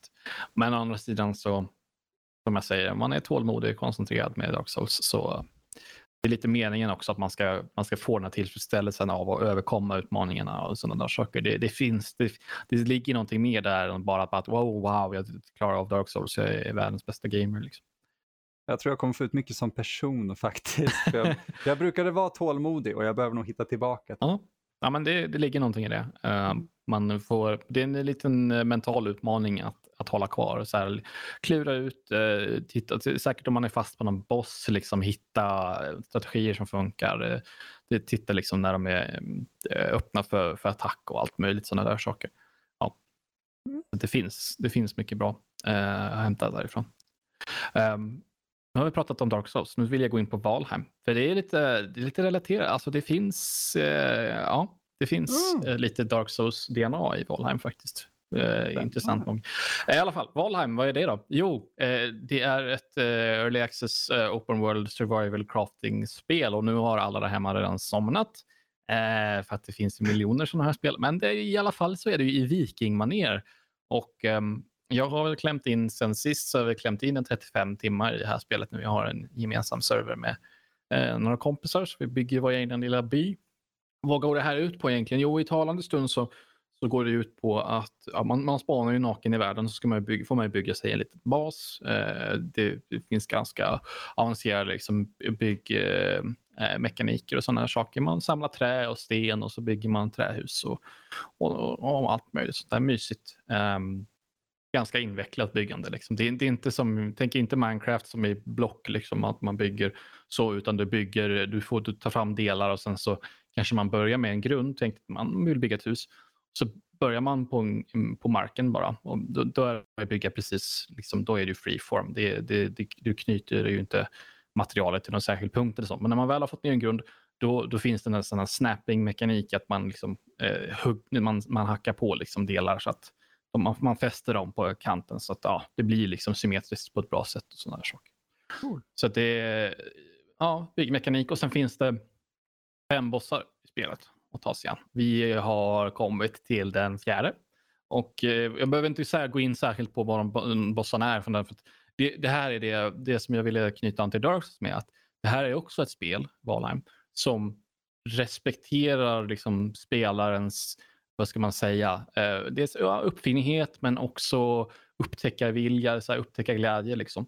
Det här är ett spel som inte heller håller dig i handen utan du får de litar på dig att du, du liksom klurar ut. Ja, men vad, du hittar något nytt material. Vad ska man ha det här till?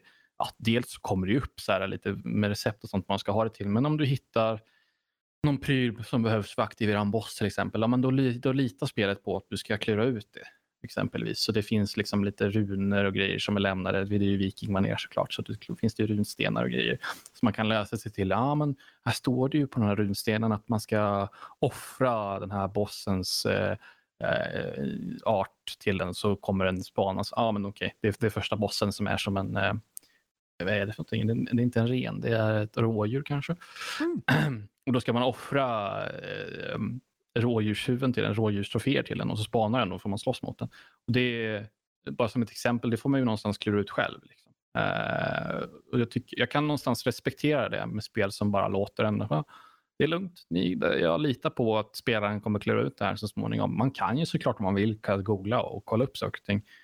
Men uh, jag tycker det är betydligt roligare att försöka så här, klura, antingen kan man spela själv och klura ut det eller som en ett kollektivt, som jag kör med, med, med några kompisar, vi kollektivt tillsammans eh, försöker klura ut vad man ska göra och sådana saker. Istället för en objektiv pekare som dyker upp och bring three deer heads. Ja, exakt. exakt. Så ah. får du liksom klura ut det själv. Så står det någon, någon gammal dikt någonstans att ah, ta hit tre stycken ja, av hans art så kommer han. Ja, så, typ, sådana där saker. Mm. Um, och det som jag gillar också att det finns en väldigt tydlig, liksom, st tydliga steg i progression också. Och vad som händer är att amen, eh, första bossen som jag sa, det är ett, ett stort rådjur eller en, en så. Jag kommer inte ihåg exakt vad det är för art, men någonting i den stilen. Som man ska slåss mot. Och sen andra bossen är en annan. Men det som jag tänkte på mest, bara, som, som är tydligt med tredje bossen som har mycket, mycket gift. Eh, den bossen är i ett, i ett träsk. Så det är mycket så gifteffekter och grejer. Och då måste man ju ja, förbereda sig med det. Så man har potions som motverkar gifteffekter och man har healing potions och, och tillräckligt bra rustning och sådana saker. Om man är klar med den bossen sen, då får man verktyg för att kunna ta sig upp i bergen där det är kallt. Och det, där, där det är kallt måste man ha rätt kläder på sig för att inte frysa ihjäl. Ehm, så det finns tydligt så stegvis med saker som spelaren måste ta sig an och göra innan man kan ta sig an varje boss. Eh, och så får man en motsvarande belöning också. Du får ett nytt verktyg som du kan använda för att ta dig an nästa boss också. Eh, vilket jag tycker är jävligt snyggt. Eh, mm. Då finns det, för ett sånt här spel då kan det vara lätt att tappa bort sig. Liksom bara, var, varför gör man ens någonting? Vi, det, vi står ju bara still och trampar. Bara, ja, fast om, du, om man, forts, om man liksom håller sig längs med vägen, så att säga, den progressionen som finns, då låser man upp nya grejer, nya prylar lite hela tiden och nya, får nya verktyg, nya vapen. Um, ja, allt möjligt. Älskar sån design. Ja. Och det, allt känns ganska naturligt också, uh, ska, ska tilläggas. Um, du får ju... Så här, man plockar upp ett nytt material som man inte haft på sig innan, då kommer det upp så här vid sidan om, ah, nya recept, du kan bygga de här sakerna. Man bara, oh, wow. Och sen så går man och listar ut, vad kan det här leda till? Ah, men nu kan jag bygga en eller crafta en vargkappa som gör att jag kan, när jag har på mig den så kan jag gå upp i bergen där det är kallt och så fryser jag inte ihjäl, till exempel. Ehm, uh, sådana där saker. Så jag tycker att det, spelet utvecklar sig på, under spelgång, spelets gång så utvecklar sig väldigt snyggt liksom, från sak till sak till en ny grej hela tiden. Plus att det är den här utforskar eh, utforskar eh, viljan som finns där också. Det, den är enorm. Du börjar med att, ja men såklart, man vill ju börja med att bygga en bas som man har något att utgå ifrån man, de har ju det här sängsystemet som man slänger ner en säng och sen så klämmer man den och då dör man och så spanar man vid sängen igen och så mm. vidare. Mm. Det, det, det, är ju som i Minecraft till exempel. Uh, men uh, det som de har gjort lite smarta designval för att du har man kan bygga portaler. Kartan i sig den är ju procedurell genererad, lite random så. Det finns, man lägger in ett seed, så får man lite så slumpartad eh, bana.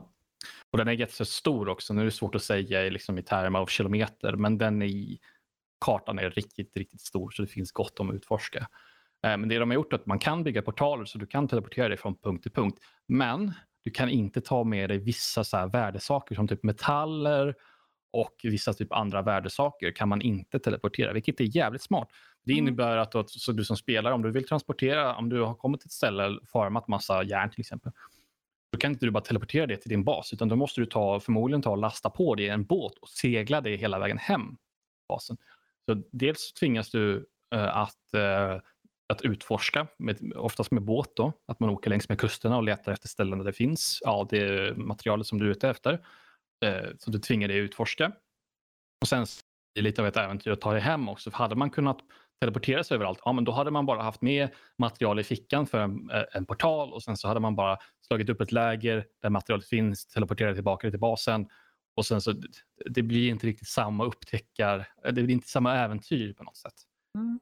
Um, så det har de gjort jävligt smart och um, jag har sett uh, inlägg om att man ska ta bort den här begränsningen, men nej, gör inte det, för då, då tappar man halva liksom, drivkraften för att ut, utforska världen. Liksom. Uh, så. Uh, Går det att spela själv? För jag funderar, jag gillar inte att spela med folk vanligtvis. Det här är intressant. Jag, jag ska vara ärlig och säga att, um, att jag spelar ju med ett gäng kompisar, vilket gör då såklart att ja, hela verksamheten med att bygga saker och samla material och sånt blir lättare, för det blir ju en, ja, en kollektiv insats helt enkelt. Uh, och jag har fått uppfattningen om att det är lite, uh, rätt så svårt att spela själv, särskilt när det kommer kommer till att ta sig an bossar och sånt. Mm. Eh, för det, det, blir ju den effekten av, ah, men, om jag är ute och går med en polare och vi är ute och utforskar eller slåss mot, ja, jag dör, eh, men han lever kvar, men då kan ju han vara kvar och liksom hålla koll på mina grejer och så kan jag springa tillbaka och hämta upp dem. Till exempel om man är helt själv, då ja, det blir betydligt mycket svårare bara för en sån sak. Eh, mm. och sen som med bossar blir det naturligt. Jag har ingen aning om det finns någon slags scaling i antalet spelare eller någonting sånt.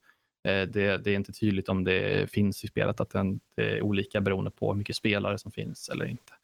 Så att jag har fått uppfattningen om att det är betydligt svårare när man spelar själv. Mm. Det sagt, så eh, alla fördelar eller all, allting som görs bra finns ju fortfarande där. Särskilt med en, en aspekt som jag gillar starkt med Valheim är att du får ta dig an spelet i din egna takt. Du kan vara så här, det som man gjorde först var att man ja, plockade på sig lite verk. Och så, gick man, så gick jag och byggde mitt hus. Vi spelade tillsammans. Så att det börjar med att vi har det uppsatt som så att vi har ett litet allmänt hus i mitten av byn där alla får liksom slänga upp en säng och börja utgå därifrån. Så gick jag och byggde mitt egna hus och då blev man ju eh, fast i det en stund, satt några timmar och byggde ett hus som man var nöjd med. Och sen så var det bara ut och sen så fick man ut och utforska, gå på äventyr och hämta material och slåss med fiender. Så du kan ta dig an spelet i din egen takt. Du kan sitta där och pilla hur många timmar du vill egentligen med din bas, bygga dina hus. Och sen så när du är sugen på äventyr, ja men då går man ut i världen och utforskar, hittar eh, liksom dungeons som finns. Det finns dungeons i spelet. Eh, slåss med fiender, hittar, tar deras grejer, allt möjligt och sen tar sig med tillbaka och sånt där. Eh, så att det är väldigt fridfullt, jag har märkt det. Mm. Det är mm. väldigt många, spel, många streamers som lämnar sina huvudspel, för mycket Tarkov till exempel. Många Tarkov-streamers som, som har pausat det och börjar spela Valheim istället för att det är så lugn, det har en sån lugnande effekt. Man sitter där, det är väldigt fin musik som spelas i bakgrunden, så sitter man där och snickrar lite på, sin, på sitt hus. Då ska man runt och samla lite mat, laga maten, ja, och håller på. Och sen så när man får lite äventyrssug, då springer man ut och dödar lite skelett eller ja, eller ja, om man ska ännu mer gå in till något träsk och leta, leta metaller eller ja, men, eh, gå och ta sig an nästa boss när man känner, man känner man sig redo för det. Liksom. Det finns ju ingen, tids, ingen tidsbegränsning. Du kan ju hålla på hur länge som helst och bygga, med, bygga bas och, och redorna. Huh. Det, det är fridfullt är ordet jag är ute mm. efter skulle jag säga. Är det lite typ, okej nu har inte Stardew Valley bossar på det sättet, men är det lite samma så här feeling? Ja. Det, det, ja, det ligger någonting i det. Uh, det finns ju eh, säkra områden. Det finns ju lite biomer, precis som i Minecraft. Så finns det olika områden med olika typer av miljöer. Eh, ett startområde som heter Meadows kallas det, som är väldigt säkra. Då. Så det är där, mm. oftast där man bygger sin bas. Um, och ja, så att som jag sa, det måste inte gå, det är inte konstant action och du får ta dig an äventyret som du vill ungefär. Uh, så det, det, finns absolut en liknelse med Uh, med Stardew Valley till exempel och Minecraft och allt som jag är inne på Dark Souls. Det finns uh, Dark Souls-inspirationen är tydlig i, i combat i det spelet. Du kan, för du har ju iframes i invisibility frames i Dark Souls, vilket innebär att när du dodgar så finns det ett visst antal bildrutor som du är helt odödlig. Du kan, även om du liksom blir träffad eller någonting så så räknas det inte. Så du kan rulla igenom attacker till exempel. Om en stor boss slår mot dig kan du rulla igenom attacken utan att ta skada. Det finns i Valheim. Eh, mm. Du kan även parera också, så att så länge du har en sköld som är bra nog så kan du typ parera vad som helst. För nu har vi kommit så pass långt att vi har eh, silversköldar och sånt. Um, vilket gör att jag kan parera liksom de största fienderna, typ, förutom bossarna. Då. Men jag kan, så länge jag tajmar det korrekt så kan jag parera ett stort så stone golem monster eller någonting som slår ashårt eller ett stort skogstroll eller någonting som, står, som slår med en stor eh, stock. Liksom. Jag kan parera den om jag bara tajmar det korrekt, vilket känns eh, jävligt Dark Souls-aktigt. Mm. Um, ja. Sen eh, så är det ju ja, bekanta vapen med yxor och mycket vikingainspirerade vapen såklart med yxor, enhand och tvåhandsyxor och diverse svärd såklart och, och sköldar och grejer. Sådana där saker. I'm intrigued. Mm. De har gjort det jävligt rätt här nu. Alltså, de, har, de har verkligen, eh, de heter Iron Gate har jag för mig, Iron Gate Studios mm. AB. De har gjort det här jävligt rätt faktiskt nu när de släppte det här på Steam. För att spelet, eh, man skulle väl kunna säga att det saknar lite detaljer här och var. Man kanske vill ha lite mer byggmaterial till exempel, eller inte material men byggstenar, liksom, mer föremål. Och det finns ju säkert mer content att lägga till och som finpolering, bugfix och sådana där saker. Men i det stora hela så skulle jag påstå att det här spelet är liksom feature complete. Det här skulle kunna släppas och sen är det liksom det finns så pass mycket content att ta sig an och det finns mycket att göra. Du har de här fem bossarna att ta sig an. Ja, alltså det, det skulle kunna potentiellt sett vara färdigt. Nu igen så har ju de en, själva har ju säkert en vision vad de vill att spelet ska vara. Det ska inte jag blanda mig i på det viset. Men det jag försöker komma till att det någonstans är så pass välpolerat att det skulle lika gärna kunna vara färdigt nu. Och då släppte det early access helt enkelt helt rätt tillfälle. Ja, och sen att det är, att det är så billigt också, 16 euro. Det är ju det är många så här bara, ja men 160 spänn eller vad det nu blir, svenska kronor. Mm. Det är liksom, du behöver inte fundera så mycket på den summan om ah, vill man eller vill man inte. Äh, men man, man chansar gärna mm. på en sån summa. Det är ingen fara liksom. Eh, och eh, på, jag tror det är det som har drivit eh, försäljningen så starkt nu. Jag, vi läste ju för några veckor sedan att det var fem miljoner. Det är säkert ännu fler miljoner kopior vid det här laget. men dels priset är helt rätt. Det är, det är någorlunda färdigt och på, välpolerat och sen så har de fått mycket uppmärksamhet på Twitch och sådana där saker. Så det har väl blivit liksom, det här, här är det bra sättet att utveckla ett early access-spel. Det, det, här är rätt sätt. Du är 90% klar du släpper spelet och ja, det blir hyllat liksom. Eh, typ eh, på något sätt. Så att, eh, nej, eh, det här jag hoppas, bara håller tummarna nu. För nu någonstans, vi, vi är ju lite av i en så här honeymoon-fas nu. Liksom. Så här, alla, är, alla är nyast i spelet. Har det funnits ute typ en månad, lite mer, en och en halv kanske. Ja. Um, alla är nya till spelet. Kanske alla saker, kanske inte, irritationsmomenten kanske inte har uppdagats riktigt än. Liksom så. Eh, men jag hoppas innerligen för liksom Iron Gates skull att, att communityn inte blir total skit, helt ärligt. Man, man, jag har sett det så många gånger, liksom, att folk blir så himla egocentriska på något sätt. att ja, men Du har köpt ett spel och så hänger du med liksom, i utvecklingen och så får, man, ja, men, så får de någon känsla av att ja, men, utvecklarna är skyldiga mig någonting. Så jag bara, mm.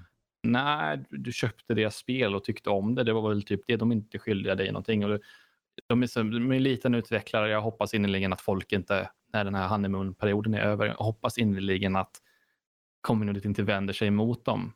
Eh, som det har blivit med Tarkov till exempel. Som får, de, Battlestate får ju tåla mycket skit i onödan. Eh, jag hoppas att samma sak inte händer här. Eh, och att de, ja, de kanske får vara hårda själva med att bygga en, en, en bra community eller liknande. Eh, mm. men att det liksom inte bara devolverar i bajskastande. Att ah, utvecklarna eh, bryr sig inte om oss, de implementerar inga ändringar som vi tycker om eller bla bla bla. De fixar inga grejer av det här. Det här har varit problem hur länge som helst. Ja, men de är typ ett femmanna team som mm. har väldigt begränsat, jag tror det är något sånt, ganska ja. litet team. Um, så att, ja. Jag håller tummarna för deras del. Eh, de har ju lyckats hittills. De har ju redan lyckats mer eller mindre vad gäller försäljning och sånt. Men just att, att det fortsätter gå bra helt enkelt för dem. Uh, för det, är, det är ett riktigt mysigt spel uh, på, på många plan. Helt enkelt. Jag är supersugen att ta mig an den nu. ja. Mm. Ja, ja, det är mysigt. Det är mysigt. Där hör ni, Valheim. Mycket bra. Mycket bra. Eh, vad ska vi se? Eh, vi kan ju ja, riva av lite nyheter och sen så får vi väl känna oss nöjda där kanske. Mm. Ska se. Eh, vi börjar med eh, knyta ihop säcken lite på ett spel. För jag vet att eh, det här är ett um, taiwanesiskt skräckspel som heter Devotion. Nämnde vi för länge, länge, länge sedan. Att uh, det plockades bort från Steam och GOG då på grund av att de hade en uh, Nalle Puh, eller, eller ja, Kinas president uh, Xi Jinping. Han, han, han, han, det finns en karikatyr som används på honom att han ser ut som Nalle Puh. Och det är ju inte någonting som Kinas regering uppskattar. Så det, då fick de äta skit för det. Men eh, efter mycket om och men så är spelet tillbaka eh, nu, helt enkelt. Det, det är, är väldigt positivt och väldigt ett, ett, glatt slut på hela den historien. Visserligen, inte på, det var inte någon av, av, av eh, e-butikerna där som, mm. vare sig mm. Steam eller GOG, som, som helt enkelt buckled down och tog sig an det igen för att Kina är en väldigt stor marknad. Ja, uh, utan istället uh, så säljer Red Candle Games spelet från sin egen webbshop för 16 euro ungefär. Mm. Ja. Vilket är, ja, bra pris och jag är glad att det kom ut. Yes. Ja, det, ja, det, det, det var bara roligt att se att de, de eh, kom på fötterna igen. Helt oh, ja. enkelt.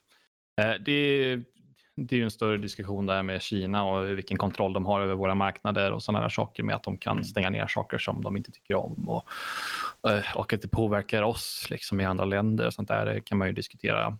Ja, men det är lite av en, en, en djupare konversation som kräver lite mer, ja, vad ska man säga, andakt.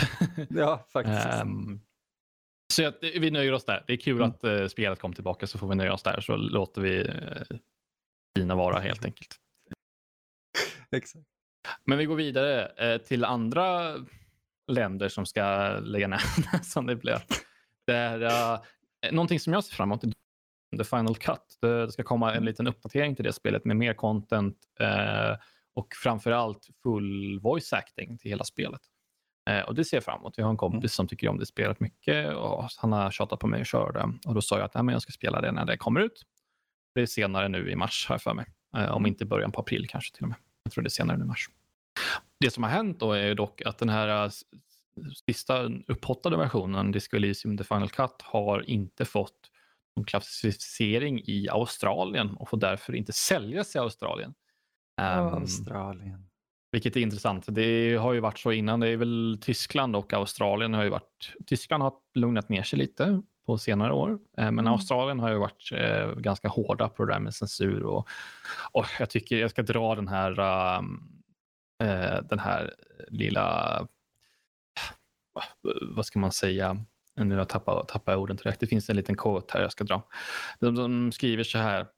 Uh, more specifically, the final cut was refused classification as a game that has been seen to depict, express, or otherwise deal with matters of sex, drug misuse, or addiction, crime, cruelty, violence, or a revolting or abhorrent phenomena in such a way that they offend against the standards of morality, decency, pro propriety generally accepted by reasonable adults to the extent that they should not be classified.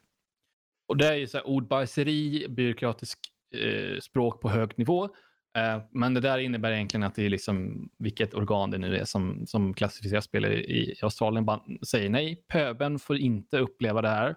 Det, blunda nu, kära barn. Det här mm. är alldeles... Det, det, här kan inte... Nej, jag, jag tycker det är, är löjligt.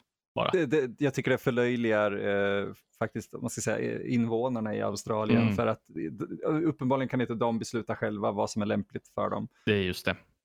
Um, jag kan förstå att Tyskland censurerar eller inte ens släpper Wolfenstein mm. med tanke på deras historia.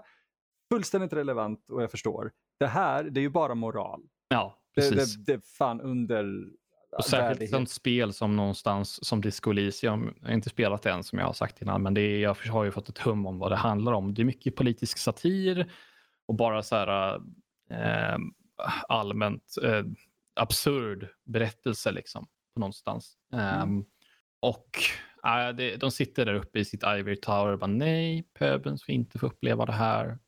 Um, blunda. Äh.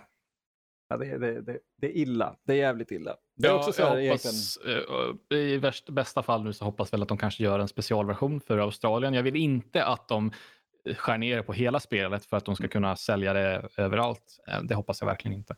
Men jag vill spela det här i... i, i Glorious Uncut. Ja, precis. Eh, nej, det, jag ser fram emot att ta mig an det här faktiskt. Det ska bli mm. rätt så kul. Ska vi berätta, jag berätta mer om det nästa gång.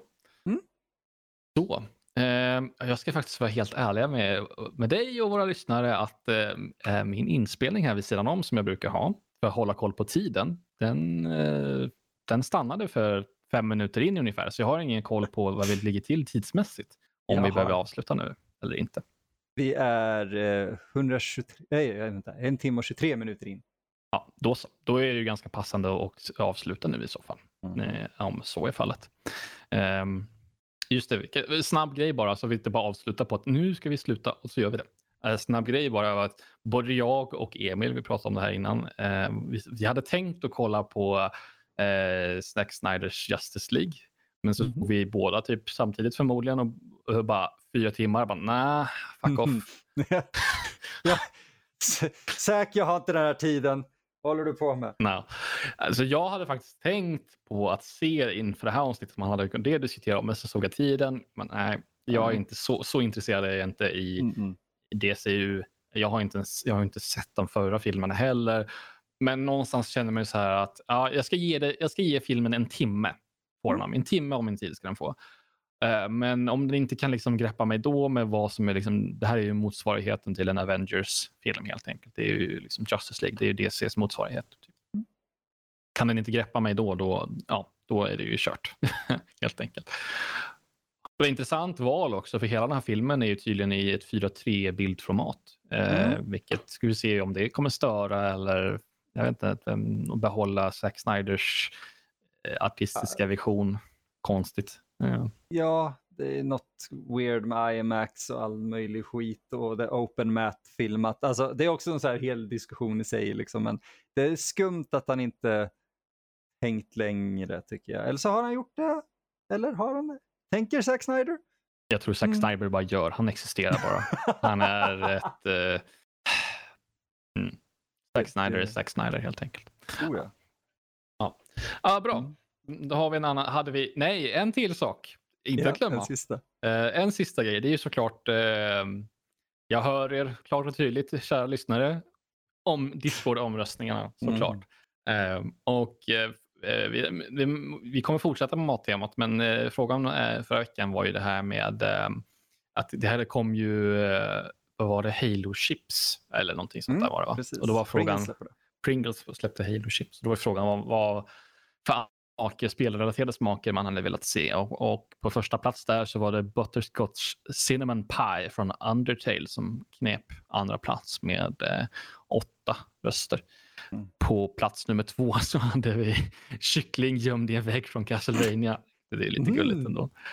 Och sen så hade vi delad tredje plats så var det så mycket som eh, Stick från Fallout och Choco Pasta Dish från Super Paper Mario.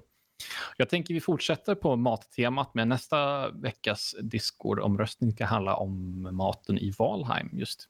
Mm. Det var en, det är en ganska stor del av spelet som jag inte har gått in på, men det finns mycket mat, man kan laga mat, det finns mycket olika sätt, råvaror att använda eh, och sådana saker. Så att, eh, kommer jag kasta upp en liten fråga där, eh, mm. så får man rösta på vad som är bäst. Eh, maten i Valheim. Så. så har ni varit sugna på att spela det och så där så har ni definitivt ett incitament till att göra det nu så ni kan delta i den omröstningen. Man kan rösta, vad är bäst? Eh, sea Serpent Stew eller korv eller ja. De ja. två också. Ja, ja det, finns, alltså, det finns allt möjligt. Det är, roligt, det, det, det är lite roligt så här, okej. Okay. För att kunna göra korv då, vad behöver man? Du behöver rått kött så du kanske går och dödar en gris eller ett vildsvin eller en rå, ett rådjur eller något sånt där. Då får du rått kött. Ja, vad behöver man mer? Behöver tistlar? Ja, går man och plockar tistlar i skogen till exempel. Vad är det sista du behöver? Jo, du behöver ju såklart tarmar för mm. en korv. Ja. Vad går man då? Jo, då går man till träsket och dödar de här mytologiska odöda eh, draugurs Då dödar man dem och så tar man deras inälvor och gör korv på. Mm, smaskens. Oh, det var det Skyrim saknade. Ja, precis. Ja, det är mysigt. Mm, underbart. Jag ska, gå, jag ska logga in på Valheim och bara sätta mig framför elden i mitt hus och, eh, och njuta av eh, knakandet av elden. Oh. Det är faktiskt en, en liten detalj nu, nu måste jag kan inte hejda mig själv. En liten detalj som jag det är med byggandet och du vill gärna ha en eld inomhus för att man ska hålla sig varm och för att du ska kunna sova i din säng och sådana saker så måste du ha en eld i närheten. Sånt där. Men det, det, det innebär en liten äh, arkitektell utmaning för att en eld producerar ju en massa rök. Mm. Mm. Och det är ett reellt problem. Om du inte har en skorsten som praktiskt fungerar i spelet så kommer ditt hus fyllas av massa rök. Vilket då leder till en, ja, en liten designmässig utmaning att du ska bygga en skorsten som fungerar. Eh, vilket kan leda till ytterligare utmaningar om man har större byggnader med flera nivåer och man ska leda bort röken. Eller man måste, det, var, ja, det är en sån liten, liten detalj i det spelet som jag uppskattar mycket. För att det är just det här med om man blir begränsad så kan man oftast bli mer kreativ. Att du tvingas att hitta på kreativa lösningar på begränsande problem. Som i det här fallet då med att man vill leda ut röken från en eld inomhus ut. helt enkelt. Intressant. Jag gillar det. Med, med det sagt, så nu lovar jag att vi kan wrappa upp. Jag, måste, jag är lite torr i halsen så måste, måste dricka också. Bra. Eh, tack så mycket för att ni har lyssnat. Eh, eh, det här var avsnitt 299. Snart avsnitt 300 nästa vecka. Mm. Uh, gå in på nördliv.se helt enkelt. Där har vi artiklar, recensioner, krönikor från gode Emil här till exempel. Uh, och sen så kan du följa oss på sociala medier. Uh, Twitter och Instagram så är det nordliv.se. jag finns på Twitter, snabela Holmer Karl. Emil finns på Twitter. Ja, Indie-Emil. Indie-Emil. ja. så, och sen hoppa in på Discord också och rösta på våra, ge våra omröstningar. Så att, eh, tack och bock för denna gång. Ha det bästa allesammans. Tjingeling. Hej då. Hej då.